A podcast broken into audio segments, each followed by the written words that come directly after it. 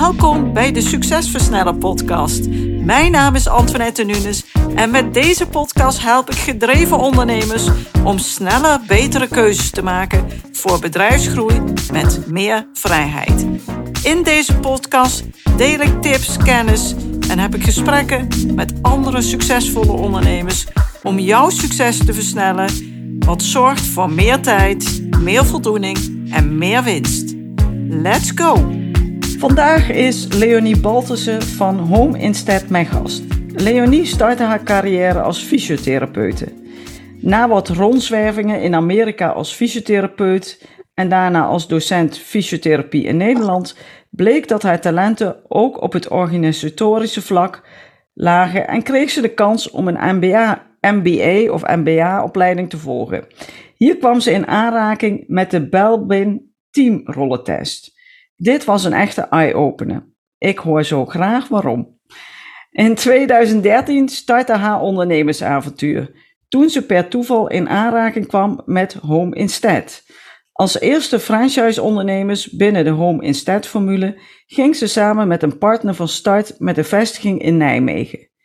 In 2013 stond de particuliere PGB-dienstverlening in de ouderenzorg nog in de kinderschoenen en was commercie een vies woord.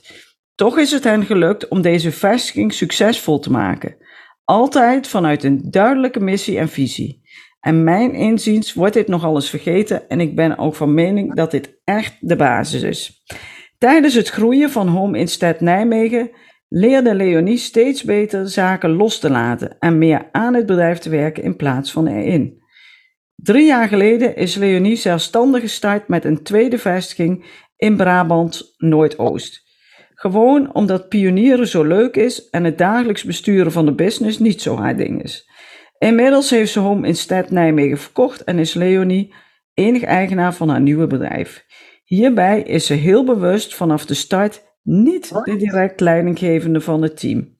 Dat geeft haar de tijd om te focussen op verdere groei van het bedrijf. Natuurlijk ben ik benieuwd naar haar verhaal en haar ondernemerslessen. Leonie, leuk dat ik je vandaag spreek en dat je jouw verhaal en inspiratie komt delen. Wil jij nog wat aanvullen op deze intro?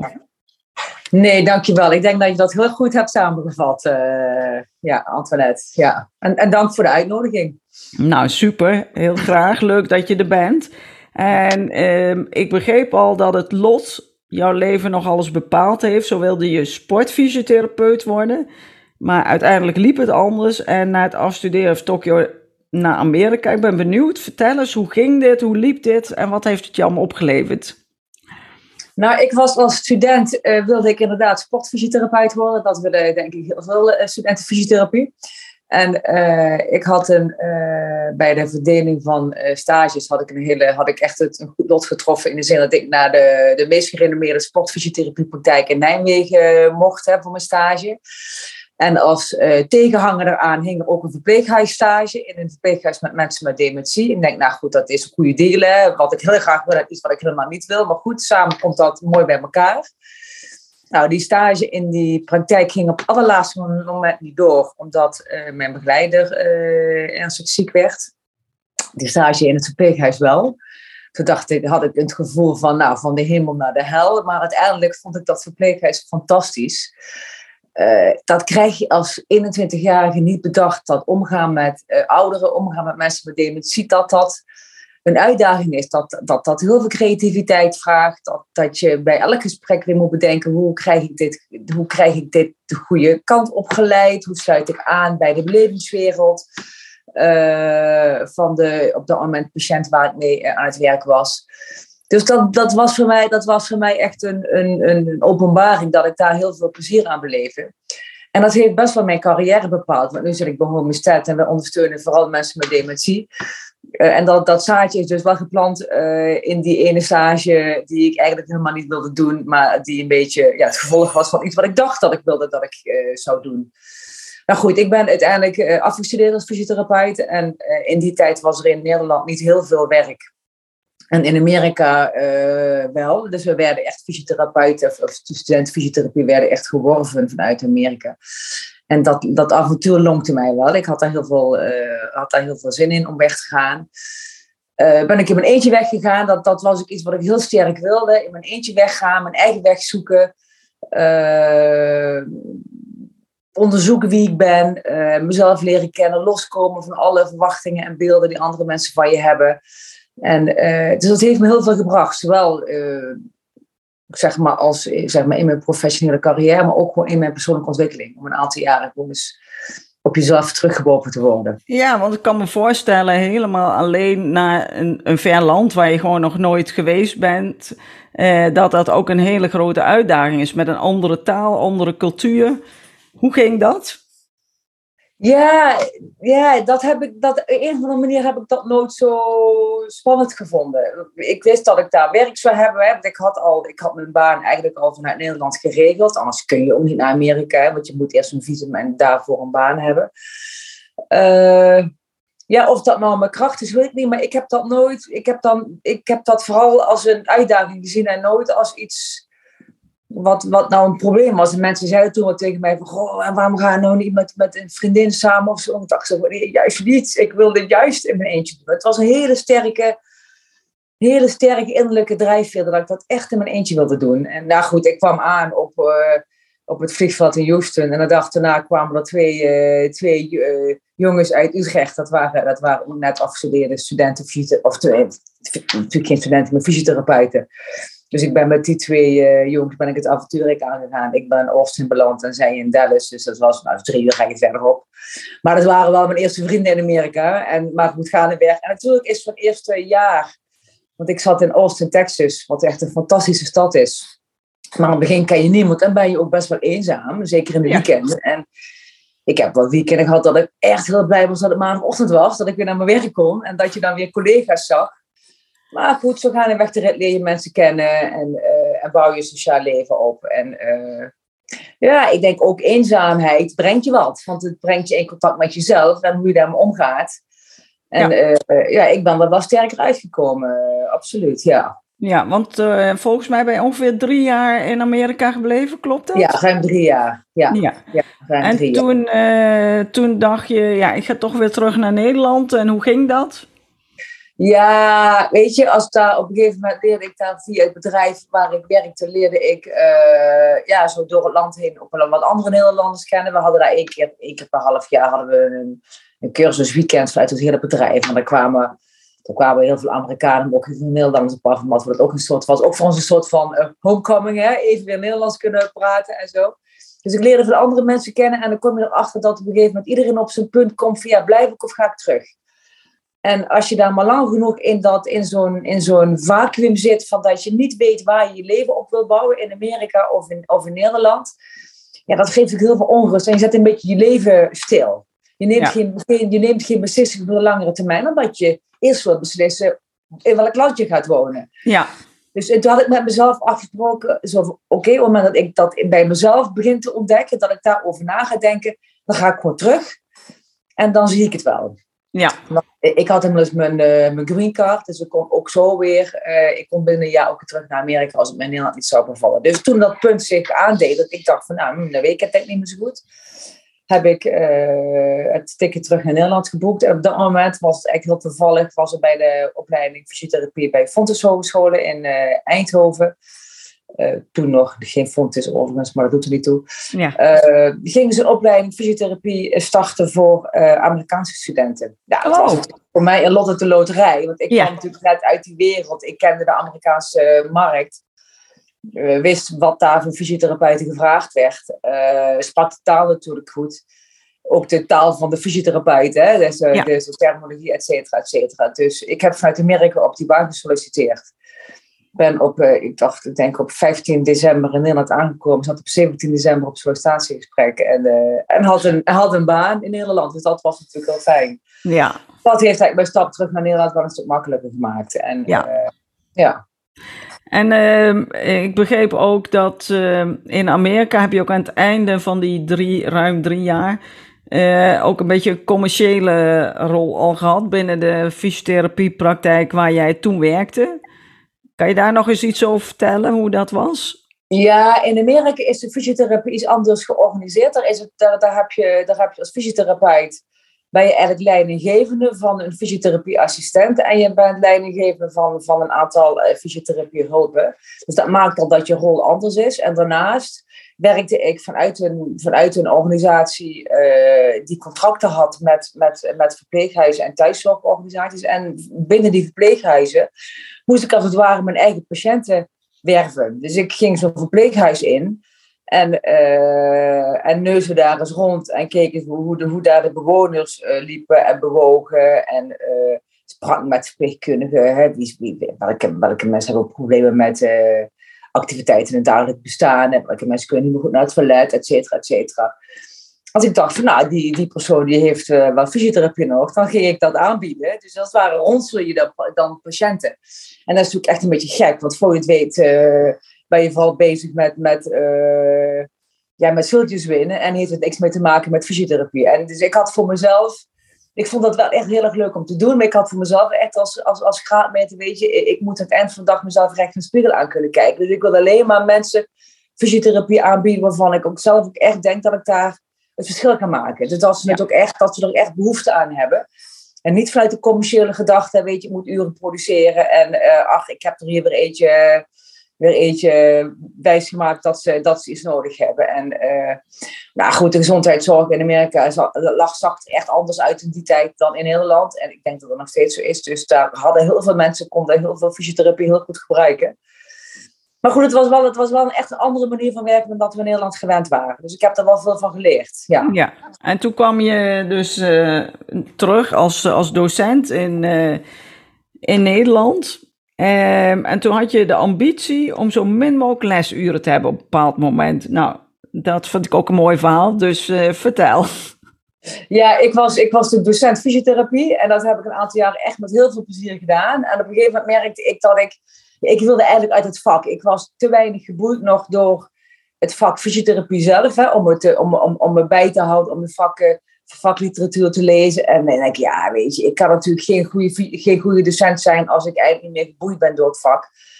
En dus ik denk, nou, dan moet ik andere dingen gaan doen. En gaandeweg de rit ben ik, kwam ik in kwam ik in contact met een aantal organisatorische taken. Ik mocht me wat gaan bemoeien met de organisatie van post-HBO-onderwijs, dus cursorisch onderwijs. Toen, dacht ik, nou, toen merkte ik dat ik dat heel erg leuk vond te doen en dat ik daar eigenlijk ook wel goed in was. Ik dacht, en dat ik denk van, hé, hey, maar hier liggen misschien wel veel meer mijn talenten dan op een ander vlak. Maar goed, mijn functie was die van docent. Ja.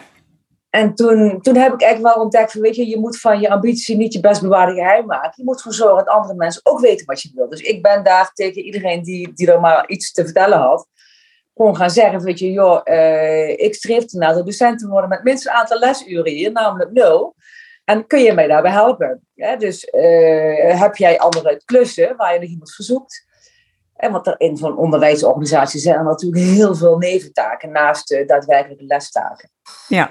Als ik dan weer zo'n klus op mijn pad kwam, dan dacht ik van oké, dit is een leuke klus, dit kan ik, dit moet ik gewoon heel goed gaan doen. En als ik dit voor mij goed genoeg doe, dan krijg ik vanzelf meer van dit soort klussen. En dat is op begin ook gelukt. Dus aan het eind van de rit, toen ik daar wegging, had ik, was ik in de set met nul lesuren. Dus dat is, uh, die, dat, die doel is, uh, dat doel heb ik uh, kunnen behalen, ja. Ja, ja. En uh, je, je had ook, uh, ik, ik las ook over de Belwin Team rollentest, want dat was een enorme eye-opener voor je. Um, ik, ik ken de naam, maar verder ken ik het niet. Vertel eens. Wat houdt het in? Ik heb, op, ik heb op een gegeven moment vanuit, uh, vanuit Fontis, heeft mijn, mijn de, toen de directeur van, van de opleiding fysiotherapie, heeft mij de kans geboden om een MBA te gaan doen. Daar ben ik hem nog steeds enorm dankbaar voor. En in zo'n, in zo'n opstap naar zo'n MBA, MBA is, eigenlijk ja, is een, managementopleiding, uh, bedrijfskunde management. En uh, in de introductie dan doe je een aantal testen om, te leren, om, je, om, om, om jezelf te leren kennen. Een van die testen is de teamrollentest van Belbin. En die gaat eigenlijk over de verschillende rollen die mensen innemen in een team. Hè? De verschillende talenten die mensen hebben uh, en hoe die tot, tot uiting komen in samenwerking met anderen. En dan heb je rollen die, die dat zijn meer de doeners, hè, dat zijn de bedrijfsmannen, de, de onderzoekers, je hebt de denkers. Uh, die, die, die, die plannen maken, die heel veel over dingen nadenken en doordenken. Je hebt, uh, je hebt uh, mensen die, die heel erg in staat zijn om dingen voor elkaar te krijgen. En, en je hebt de mensen die heel erg bezig zijn met hoe, hoe een groep samenwerkt en of de, of de, die, die heel erg met voelen bezig zijn. Hè? Die dragen zorg voor het team en die zien meteen van hé, maar je, de, er ontstaat, er ontstaat gedoe, uh, dat moeten we niet hebben. En dus iedereen heeft zijn eigen rol.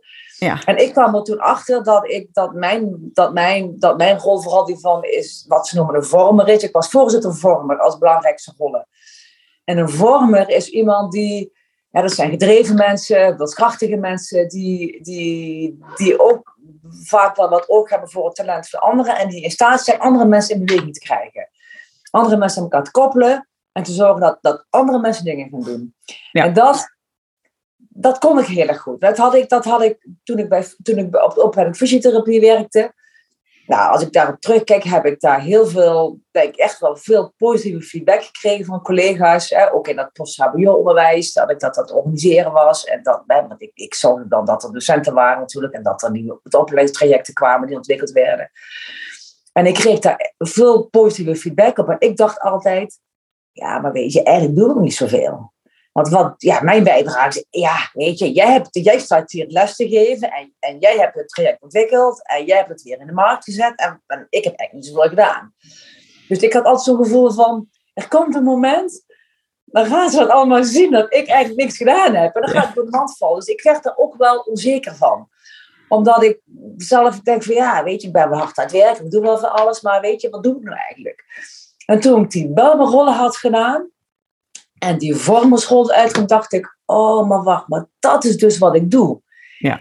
Ik, ik, ik zorg ervoor dat die andere mensen dus inderdaad met elkaar gaan, gaan praten. En dat doen ze blijkbaar niet als ik me dan niet mee bemoei. En dat zagen zij allemaal wel, maar ik zag dat zelf niet. Dat dat, dat mijn bijdrage was. Ja.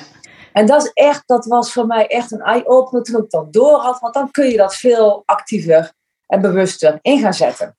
Ja, ik vind het wel heel mooi uh, dat je dat zo vertelt. Want uh, heel vaak, als, als je iets heel goed kunt, uh, dan is dat ook meestal iets waar je wel passie voor hebt. Want je gewoon heel, mm ja, je doet dat van nature. Het gaat je makkelijk af. Je, je voelt daar sterk in. Maar doordat het zo makkelijk is voor je, heb je ook vaak het idee, ja, maar dit stelt niks voor. Ja. En doordat je denkt van ja, dit stelt niks voor, dan kan je inderdaad dat gevoel wat je net benoemde van dat ze denken, ja, straks val ik door de mand, want wat doe ik hier nu eigenlijk? Wat stelt dit nou voor?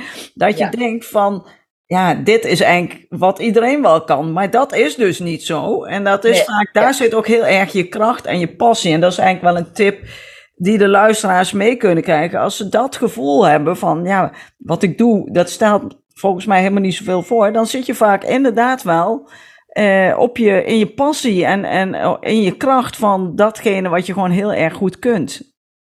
Ja. Ja, mooi. En uh, nou, in 2013 startte jouw echte ondernemersavontuur. Toen uh, ben je gestart met Home Instead. En dat was een franchise formule die op dat moment ook net gestart was. Want jullie waren de eerste franchise-nemers. Uh, ja, vertel eens hoe dat ging en hoe de start verliep van je business en de groei van je bedrijf. Uh, ja, dat was inderdaad in 2012. Ging, ik werkte toen bij de Hogeschool Anne Nijmegen uh, in de rol van manager van opleidingen. en een van mijn collega's die als trainer-adviseur daar werkte, die, die had al een andere baan. En, of een andere, die, die had al een eigen bedrijf samen met een aantal partners. En zij hadden besloten met z'n drieën om de master franchise formule Homestead naar Nederland te halen. Het is, een, het is, het is van oorsprong een Amerikaans bedrijf. Het zit inmiddels, ik geloof, in 13 verschillende landen. Uh, maar het hele concept gaat echt over ja, hoe kun je mensen ondersteunen, eh, die uh, oudere mensen die thuis gewoon kwetsbaar zijn en, en, en hulp nodig hebben om thuis te kunnen wonen. Hoe kun je dat thuis, thuis vormgeven? Nou, dat was voor hun, dat was toen in Nederland, leek daar langzamerhand ruimte voor te komen. Dus zij hebben dat in Nederland gehaald. En daarom ging hij weg bij de hogeschool. Dus hij, oh vertelde, hij vertelde me dat verhaal. Ik had vaak, ik zat vaak met hem gewoon uh, onder, na werktijd gewoon uh, wat te drinken. Ik, ik had goed contact met hem. En dat was, en dat was het moment in mijn leven dat ik, dat ik eigenlijk op een punt stond dacht, ja weet je, ik wil, ik wil een volgende stap maken. Ik wil weg uit die hogeschoolwereld. Want als ik nu niet een keer uit die hogeschoolwereld weg ga, kom ik nooit meer weg. En, en de, de hogeschool, hè, de, de afdeling waar ik werkte, die gingen een, een andere koers varen. En ik snapte die koers heel erg goed, maar ik had er, ik had er geen trek in. Het was een, eh, weet je, het was, het was een koers, een missie waar ik me eigenlijk niet goed mee kon verbinden. En als ik me niet kan verbinden aan een, aan een koers van een bedrijf, ja, dan kunnen nog wel werken, maar dan, hmm, dan voor mij werkt dat niet. Dus ik denk, ik, moet hier, ik moet gewoon ik moet een andere keuze gaan maken. En toen kwam hij met dat verhaal. Toen dacht ik, nou, maar dat is gaaf. Dat is ondernemerschap, waar ik, waar ik echt wel zin in had. Maar altijd dacht van, ja, maar, maar wat, ga ik dan, wat ga ik dan doen? Hè? Want ik heb, ben echt een generalist. Hè? Ik zeg altijd, ik heb van veel een beetje verstand. ja, en, ja, en ik had dat beeld van, ja, als je de ondernemer start, dan, dan moet je van één ding heel veel weten. Maar dat, dat had ik dus niet. Dus... En maar ik denk van, maar hier, dit kan ik wel. Want ik heb verstand van die ouderzorg. Ik heb als fysiotherapeut uh, natuurlijk in die wereld gewerkt. Uh, de, de visie van Homestead, uh, van hoe, hoe Homestead aankijkt tegen ouderzorg. Denk, ja, dat, dat, nou, dat vind ik echt een mooi verhaal, daar geloof ik wel in. Dus ik zeg tegen hem van, nou weet je, als jullie, als jullie uh, gestart zijn, ik wil wel, ik wil wel franchise-nemer worden. Ja. Ik, ik zei voor de grap van, doe mij Nijmegen maar. Dat ja, nou, nou, nou, zo simpel is het natuurlijk niet. En, en mijn, mijn vrouw, zijn, zijn, zijn, zijn partner, zei, ja, die heeft, ja, die heeft eigenlijk ook al bedacht dat, dat hij wel wil instappen. En ja, dus die gaat waarschijnlijk Nijmegen doen samen met een compagnon. En ik zei, nou, weet je, doe mij Arnhem dan. Uh, ja, later, weet je, maakt mij niet uit. Het was, was ook een beetje gekscherend, maar ook wel serieus. Ja. En een paar weken later kwam hij bij me terug. Ze begon niet, hoe, serieus ben, hoe serieus ben je eigenlijk? Want de, de, de mogelijke compagnon van Sharon, hè, zijn partner, die had zich teruggetrokken. En die zei, nou, volgens mij zijn jullie wel, zouden jullie samen wel een goede, wel een goede match zijn. Ik zei, nou, ik ben serieus geïnteresseerd. Maar goed, dus toen heb ik kennis gemaakt met, uh, met Sharon Tonic Soep, wat later dus mijn compagnon is geworden. Nou, we hebben eerst uh, op het, in, uh, in een cafeetje samen koffie gedronken vanuit de gedachte, vinden wij elkaar überhaupt aardig? En daarna verder gesproken van, willen, wij, willen wij samen een onderneming starten? Willen wij samen deze onderneming starten? Willen wij samen iets doen in de ouderenzorg? Willen we dat doen bij een stad? Ja. Nou goed, dan gaan er weg die gesprekken. En of ja, wil je dat doen in een franchise-formule? Nou, dat geeft enerzijds natuurlijk wel wat, uh, dat geeft natuurlijk steun hè, als, je, als je geen ondernemerservaring ja. hebt. Maar tegelijkertijd zit je natuurlijk ook aan de formule vast. Ja. Maar goed, wij zaten eigenlijk al te praten en we dachten wel, weet je, als wij nou zelf iets zouden beginnen in die ouderenzorg, hoe zouden we dat dan inrichten? En uiteindelijk kwamen we erop uit dat we dat eigenlijk echt wel wat zouden doen zoals Homestead dat voor ogen had. Toen dachten we, nou, het is natuurlijk, het is natuurlijk, het is natuurlijk confectie ja, franchise, maar het voelde als een maatpak. Het voelde als iets wat we, wat we ook zelf zouden kunnen ontwikkelen. Ja. Dacht van, nou, een beetje stappen we in. En nou, ik zie ons nog bij de franchisegever zitten, want wij, uh, want wij hadden besloten, dit willen wij. En vervolgens gingen wij kennis maken met, met de, de heren uh, franchisegever, waarvan ja. we natuurlijk heel goed kenden. En we hadden met hun een kennismakingsgesprek. En en wij zeiden eigenlijk, nou, weet je goed, uh, wij, wij vonden het prima, weet je, nou oké, wij gaan dit wel doen. En toen zeiden zij van, nou, weet je nog, maar u hoort van ons. Zo van, uh, want zij gingen natuurlijk beslissen of zij ons als ondernemer wilden. En wij waren echt in van, nou ja, zeg. Weet je, wij zijn gewoon een geschenk uit de hemel van jullie. Hoezo gaan jullie daar nog over nadenken? We waren echt zo arrogant wat dat betreft. Het was, het was echt wel grappig. Ja, maar, ik denk dat dat ook te maken had met jullie hadden er al zo goed over nagedacht. Ja. En jullie hadden al zoveel vertrouwen van, ja, dit gaan we doen. Dus jullie hadden die keuze al helemaal gemaakt. We gaan het doen. En toen was het eigenlijk van, hoezo? over nadenken. Wij gaan dat doen. Ja, ja, ja, nee, dat was wel heel grappig. En ze hebben er ook geen spijt van gehad, want we hebben het ook echt wel goed gedaan. Maar dat was in de tijd, 2013 zijn we gestart. Ja, dan is, uh, het was particulier ouderzorg. Wij, wij, onze klanten betaalden ons uh, of via een PGB of via uh, particulier. Ja, dat was echt nieuw. Er, er was, ik denk dat er met één bedrijf was die, die het al deden. die, die waren nog net iets eerder dan wij. en verder was dat gewoon echt totaal nieuw. Dus wij, nou, ik was fysiotherapeut van oorsprong. Mijn, mijn, mijn, mijn compagnon Sharon was arts. Nou, dat maakte dat wij in ieder geval wel aan tafel kwamen. Ja. Bij, bij wijkverpleegkundigen, bij case managers dementie, bij, bij, eh, bij de gemeente, bij, bij, eh, bij, bij, bij, ambtenaren. Maar dan zaten ze echt met arm over elkaar bij spreken tegenover ons. Van nou, kom jij maar eens maar vertellen wat jullie nou voor eens raars komen doen in die ouderenzorg. Ja. Nou, dat deden wij met veel overtuiging. Uh, en meestal moet ik zeggen, als wij dan zo'n drie kwartier, een uur aan tafel hadden gezeten, dan, dan zeiden eigenlijk de meeste gesprekpartners wel van, nou, weet je, eigenlijk hebben jullie ook wel gelijk. En moeten, moeten wij anders aan gaan kijken tegen hoe ouderenzorg inrichten. En dat dachten wij, nou ja, weet je, dat, dat, dat is gelukt hè. Missie geslaagd. Ja, maar daarvan heb ik wel geleerd, één gesprek is geen gesprek. Want na één gesprek dan denken ze, ah, mooi verhaal. En vervolgens gaat iedereen over tot de orde voor de dag. Ja. En gebeurt er natuurlijk helemaal niks. Dus Nee. we hebben, nou, we zijn in januari gestart en we hebben op 30 april hadden we onze eerste klant. Dus dat is gewoon, ja, dik vier maanden later. Ja. Moet je Ja. voorstellen, ik kwam thuis. Mijn oudste zoon vroeg mij, denk ik, letterlijk bijna elke dag. En mam, heb je al een klant? En ik dacht, nee, nee, nee. Ze begint komt die vraag niet meer horen. Maar ja, je wordt daar wel onzeker van als je gewoon vier maanden keihard aan het werk bent en je Ja. gewoon nog geen klanten hebt. Maar goed, Ja. 30 april hadden we de eerste klant. En eh, we zijn met z'n tweeën op klantgesprek geweest. Echt, die man die was helemaal verbouwereerd. Die zat tegenover zo van, oh, jullie zijn met z'n tweeën. en wij vonden het allebei zo leuk dat we naar een klant toe konden. Ja, we- Dat, was, dat, dat hebben we daarna niet meer gedaan. Dus dat was wel een beetje overweldiging voor die man waarschijnlijk. Maar goed, het was wel grappig. Eh, nou goed, we zijn eh, uiteindelijk één klant verder, twee en drie. En op een gegeven moment zei ik tegen mijn zoon... vraag eens hoeveel klanten we vandaag binnen hebben gehaald. Ja, maar die aanloop is heel lang, langzaam geweest. En, maar we hebben... Het was wel heel mooi, want in 2015 is de grote, eh, is de grote transitie in de eh, zorg, zorg geweest. Hè. Toen, is de, is de AWBZ ontmanteld.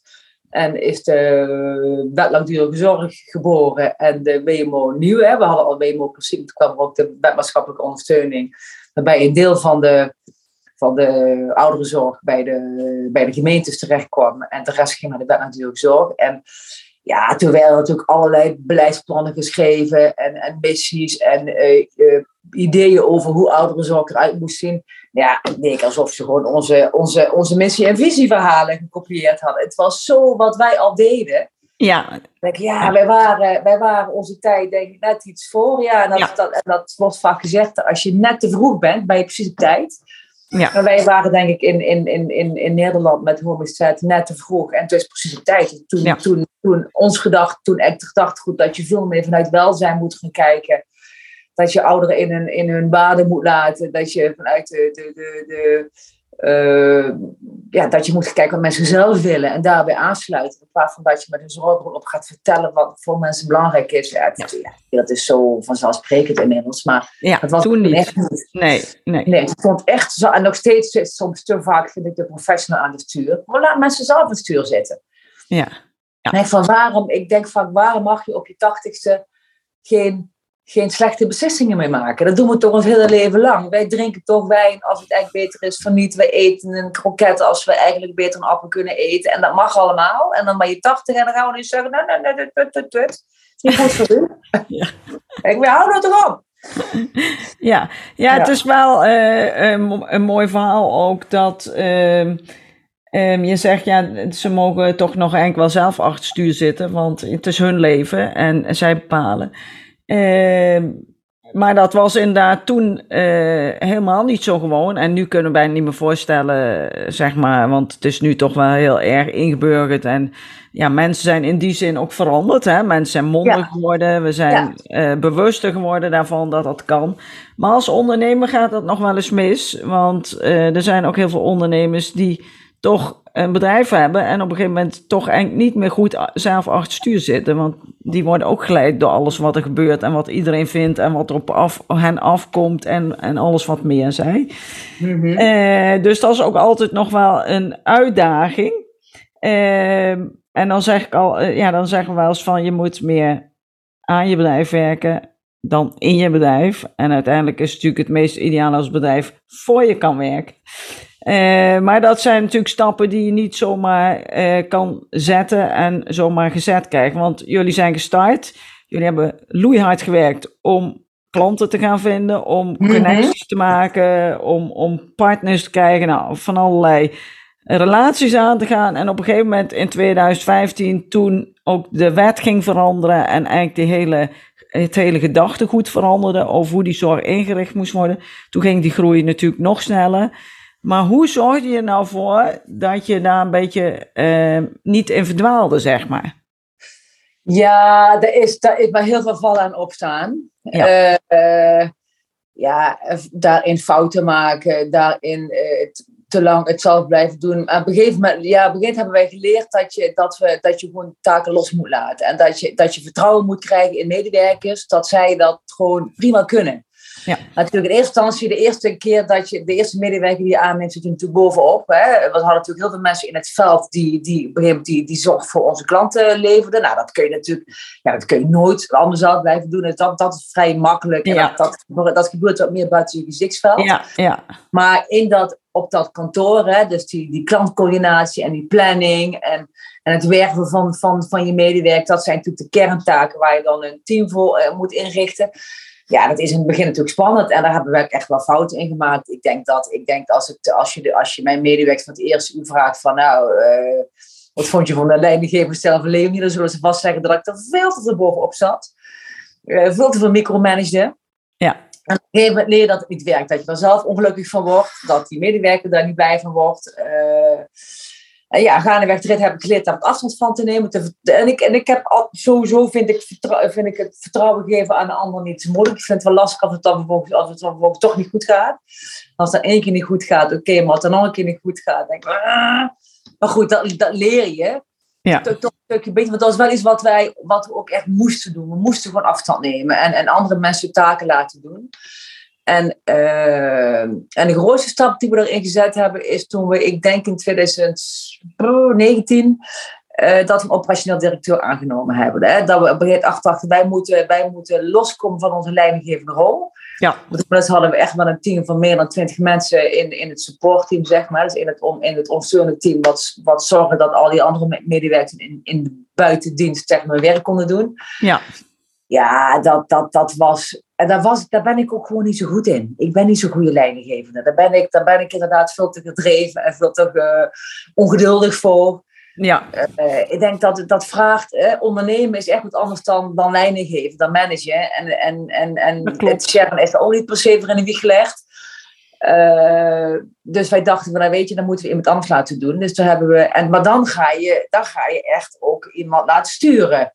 Eh, in, in, dat, in hoe hij dat, hoe die dat leidinggeven vorm gaf. Dan gaat iemand anders uh, personeel werven. En nou, dat vonden we wel, dat vonden we wel echt, een, echt een hele lastige, lastige stap. En nou, we hebben wel met, eh, dat was Leo, hebben toen wel met Leo af. We zijn toen, nou, dat ben ik echt wel, dat was wel mooi. We hebben hem aangenomen. Toen zijn we met z'n drieën. Dus Sharon en ik en met Leo als, als, als nieuwe uh, operationeel directeur zijn wij een groeitraject ingegaan. Ja. En hebben we een, een, een, een scale-up traject gevolgd, waardoor je echt met z'n drieën ging nadenken over waar zijn we nou weg met dit bedrijf? Hè? Wat is onze lange termijn visie? Ja. Uh, waar willen we over tien jaar staan? Waar willen we dan over vijf jaar, drie jaar, één jaar? En wat we wat met z'n drieën deden, hadden we wel een hele goede, een heel goed, hele goede start. Voor hem ook. Om vanuit die samen vormgegeven missie, visie voor de, voor de volgende fase uh, aan het werk te gaan. En vervolgens hadden wij elke week wel natuurlijk wel overleg. We hadden elke dag een dagstart en elke week een weekoverleg. En dan echt wel geknopt met hem. Zo je, joh, weet je, wij moeten leren loslaten. En jij moet leren ruimte pakken. En uh, zeg het maar wanneer we, wanneer we op, jou, op, op je stoel gaan zitten. En dan zullen wij kijken of we op willen staan. Ja. Want dat is ook een beetje. Want soms denk je, ja, weet je, joh, je bent naar binnen. En uh, ik ga toch even op deze stoel zitten. Want wij vinden dat het niet goed gaat. Ja. En soms dan schopt hij ons gewoon van de stoel af. Zo weet je, je dames, uh, opzouten. Je hebt mij niet voor niks aangenomen. Ik ga het zo doen. En dat is een gevecht. Maar dat hebben we altijd wel uh, functioneel goed kunnen doen. Hè? Want ja. daar geloof ik er heel erg in. Je moet functioneel uh, on the edge kunnen gaan. Je moet functioneel ruzie kunnen maken bijna. zolang het maar niet op de relatie gaat. Sharon en ik zijn qua karakters 100% diametraal tegenovergesteld aan elkaar. Echt 100% hebben we van die testen gedaan. Zij zit echt het een uitzicht het ander uitzicht. Dus we hebben in die negen jaar heel vaak professionele conflicten gehad. Maar dan zakelijk. Hè? We ja. dat we fundamenteel oneens waren met elkaar. Maar daardoor, dat dwingt je om met elkaar in gesprek te gaan. Ja. Ja. En dat hebben we altijd goed gedaan. In de zin van dat we echt af en toe wel eens een keer mokken tegenover elkaar zaten. Maar begreep ja, je moet ook door. En dan, en dan maar weer het gesprek openen. En daar kwamen we altijd uit. Waarbij we als leidraad hadden. Op een gegeven moment gaan we met elkaar in gesprek. En dan bij het, bij het eens. Of, en dan begint het worden toch eens of niet. En dan begint zeiden wij van nou, is het een halszaak of niet? En als het een halszaak is, Dus als het zo belangrijk is voor het bedrijf, dat we denken, ja, weet je, hier kunnen we geen compromissen sluiten, dan moeten we er gewoon, dan moeten we er samen op uit zien te komen. Ja. En als het geen halszaak is, dan weet je, uh, dan zijn het op een gegeven moment, het ligt op jouw terrein. Je weet hoe ik erin zit en beslis maar. En wat je doet is goed. Ja, ja, ja. En dat hebben we ook zo met Leo op een gegeven moment afgesproken. Weet je, Leo, uh, op een gegeven moment toen hij ingewerkt was, dan op een gegeven moment nou, hadden, wij, hadden wij directieoverleg. En dan, dan hadden we, wat, moest er ergens een beslissing overgenomen worden. En wat op zijn vlak lag, dan zei weet je, Leo, zo zitten wij erin. En dan, weet je, ga heen en uh, doe je ding. En, uh, en, dan moet, en dan moeten wij ook accepteren dat jij het doet zoals jij wil dat, het, dat jij denkt dat het moet, gedaan moet worden. En dan moeten wij het laten gebeuren. Ja. Want anders dan, zit je, anders dan zit je iemand natuurlijk verschrikkelijk in de weg. Ja, en dan gaat het ook niet functioneren. Want dan, nee. uh, dan iemand moet een bepaalde verantwoording hebben. En dan moet hij ook de vrijheid hebben om die verantwoording te kunnen nemen. En als je daar dan bovenop gaat zitten, ja, dan werkt het toch niet. Dus, nee, nee. nee. nee. En dan zie je natuurlijk, natuurlijk zijn er daardoor worden soms beslissingen genomen waarvan ik dacht van, ja, weet je, dat zou ik zelf echt anders gedaan worden.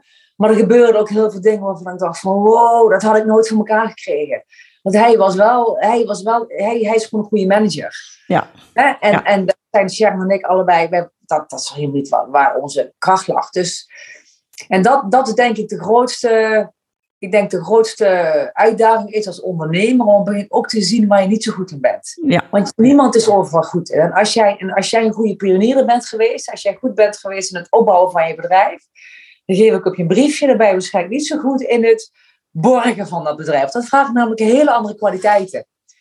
Dat klopt. eh, eh, dus wij hebben denk ik wel op het goede moment, eh, ja, ik denk, ben ik best tevreden over. Ik denk dat we best wel een goed moment gekozen hebben, dat we dachten, oké, nu moet er geborgd worden.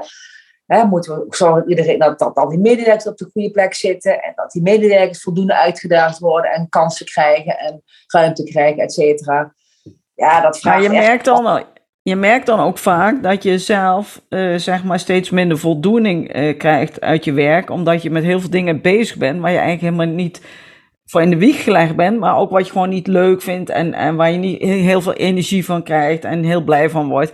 En, en dan, dan kom je op een gegeven moment op zo'n punt. En toen hebben jullie gezegd, nou, er moet eigenlijk een operationeel directeur komen. En ik denk ook dat dat, dat is in een organisatie, als je het bedrijf onafhankelijker van jezelf wil maken en meer aan je bedrijf wil werken, dan is dat gewoon een stap. Of het, het is een operationeel directeur. En als je iets groter bent, dan kan je het nog op een andere manier inrichten. Maar dat, dat zijn de stappen die je moet zetten. En het mooie vind ik ook wat je zegt van, wij zijn toen met z'n drieën gaan kijken, nou, wat is dan onze stip op de horizon? Waar willen we dan uiteindelijk naartoe? En wie pakt dan welke verantwoordelijkheid? En daar maken we een stap, een stappenplan van. Wat, waar staan we over vijf jaar? Waar staan we over drie jaar? Waar staan we het komende jaar? Wat betekent dat dan wat we ieder kwartaal en iedere maand moeten doen? Ja. En dat blijft vaak achterwege. Dat zijn wel dingen wat mensen wel weten, maar ze doen het niet. En dat is gewoon echt wel essentieel om die stap ook te kunnen zetten. En Ja. dat iedereen ook helder heeft van dit, dit is wat we aan het doen zijn. En ook voor de rest van de organisatie, die hebben ook duidelijk van dit is hetgene waar wij, waar wij naartoe werken. Dit is waar wij voor staan. Dit is wat wij willen doen. En dat is echt wel heel belangrijk, mij inziens.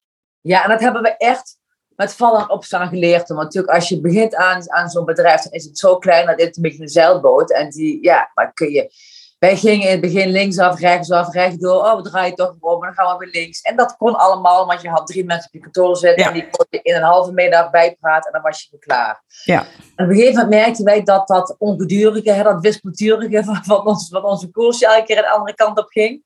Hè, binnen de context natuurlijk van zo'n franchisebedrijf. Toch? En dan kun je nog steeds, kun je, konden wij wel heel veel, hadden we best, hebben we heel veel vrijheidsgraden. Merkten we dat we alleen maar onrust creëren. Dat, dat niemand meer snapte wat we aan het doen waren. En op een gegeven moment merkten we van, oké, we moeten dit echt anders gaan doen. Ja. Dus toen hadden we bedacht, oké, dan, dan ga je een jaarplan schrijven, en een meerjaarplan. En dan gingen we dat delen met het team. En vervolgens hadden we toch weer, hadden we, hadden we, hadden we het weer op de heup. En hadden we weer eens bedacht. En in eerste instantie hadden we dan van, oké, we- dit willen wij. Eh, hoe gaan we dit nou zo verkopen dat het toch lijkt alsof het binnen het plan past? Hè? Dat is een soort van omdenken in jezelf. Dat je dus dat je eigenlijk nog op, dat je op, een, op, een, op, een, op, op een grote boot zit. Op, ik zei, we zitten op een tanker, maar we willen nog doen alsof we op een zeilboot zitten. Dus hoe gaan we nou dat zeilbootje verkocht krijgen alsof het een tanker is? Dat is een beetje hoe, hoe wij de overgang hebben gemaakt. Ja. En tot je op een gegeven moment merk je ook dat dat is gewoon raar. Maar op een gegeven moment leerden wij, want het is ook gewoon een andere manier van, van kijken naar je bedrijf. Ja. En doordat wij meer ruimte kregen om erover na te denken, doordat we leven hadden aangenomen, kregen wij meer ruimte om echt te denken van, weet je, oké, maar we, Ja. we zijn geen zelfbad meer, we zijn een tanker. Ja. En hoe gaan we nou koers, hoe gaan we nou, hoe leren wij nou, toen gingen we leren hoe we een tanker moesten besturen. En dat, en dat, en dat vraagt echt tijd. En dat is, dat, is, dat is langzame tijd. Dat is veel minder concreet. Dat is veel minder aftikken van ik heb weer taakjes gedaan. Ja, hè. Dus dat, dat, dat is echt een ander proces. Ja. En ja, daar heb je ruimte voor nodig. En dan moet je soms ook, ik hou heel veel van rennen. En dan moet je soms op de fiets stappen en gewoon eens gaan fietsen. En eh, door je hoofd laten gaan. En, maar dat is heel gek als je van nature een doener bent. Om dan tegen, tegen je medewerkers te zeggen, weet je jongens, ik ga er vandoor, ik ga fietsen.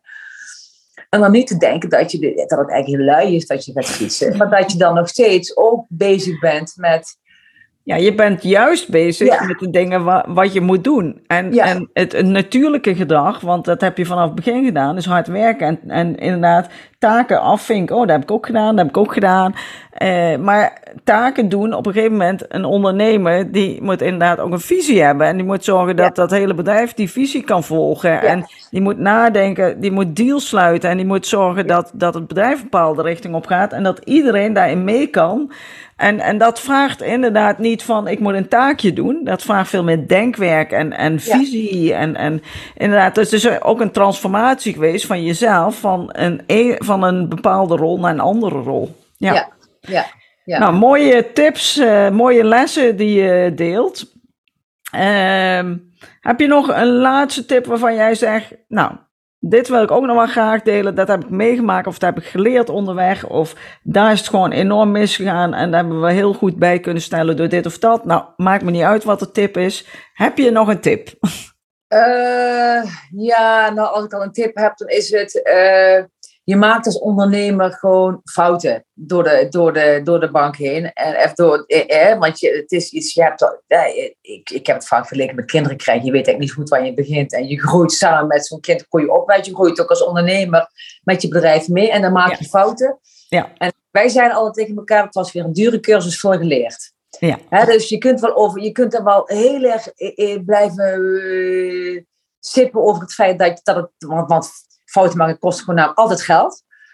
En dan denk ik, ja, weet je, maar je leert er ook van. En als je Ja. lang je maar leert van je fouten, weet je, dan heb je gewoon weer een cursus gedaan. En ik ben nu, hè, ik ben nu in, in, eh, in, in, in Nijmegen zijn we weg. Dat hebben we verkocht omdat we, ja, omdat ik gewoon uiteindelijk toch die zeilboot leuker vind dan de tanker. Dus ik denk, dat is een andere tip. Als de tanker je niet bevalt, ga dan gewoon weer een zeilboot bouwen. Dus begin gewoon een nieuwe onderneming. Ja, ja, Dus ik ben nou met, met, met de tweede keer een vestiging op aan het bouwen. En dan, en dan merk je dat je al die, die dure cursussen die je gedaan hebt, door alle fouten die je hebt gemaakt, eh, dat je die dan weer, dat je, daar, dat je die meeneemt naar een volgende avontuur. Ja. En dat je dan weer, dan maak je wel andere fouten, maar wel een stuk minder.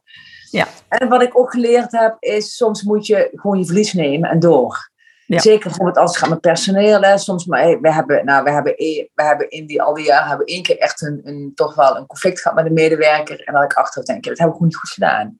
Nee. We hebben die medewerker tekort gedaan, we hebben onszelf tekort gedaan. Vanuit, veel te veel vanuit emotie. Ja.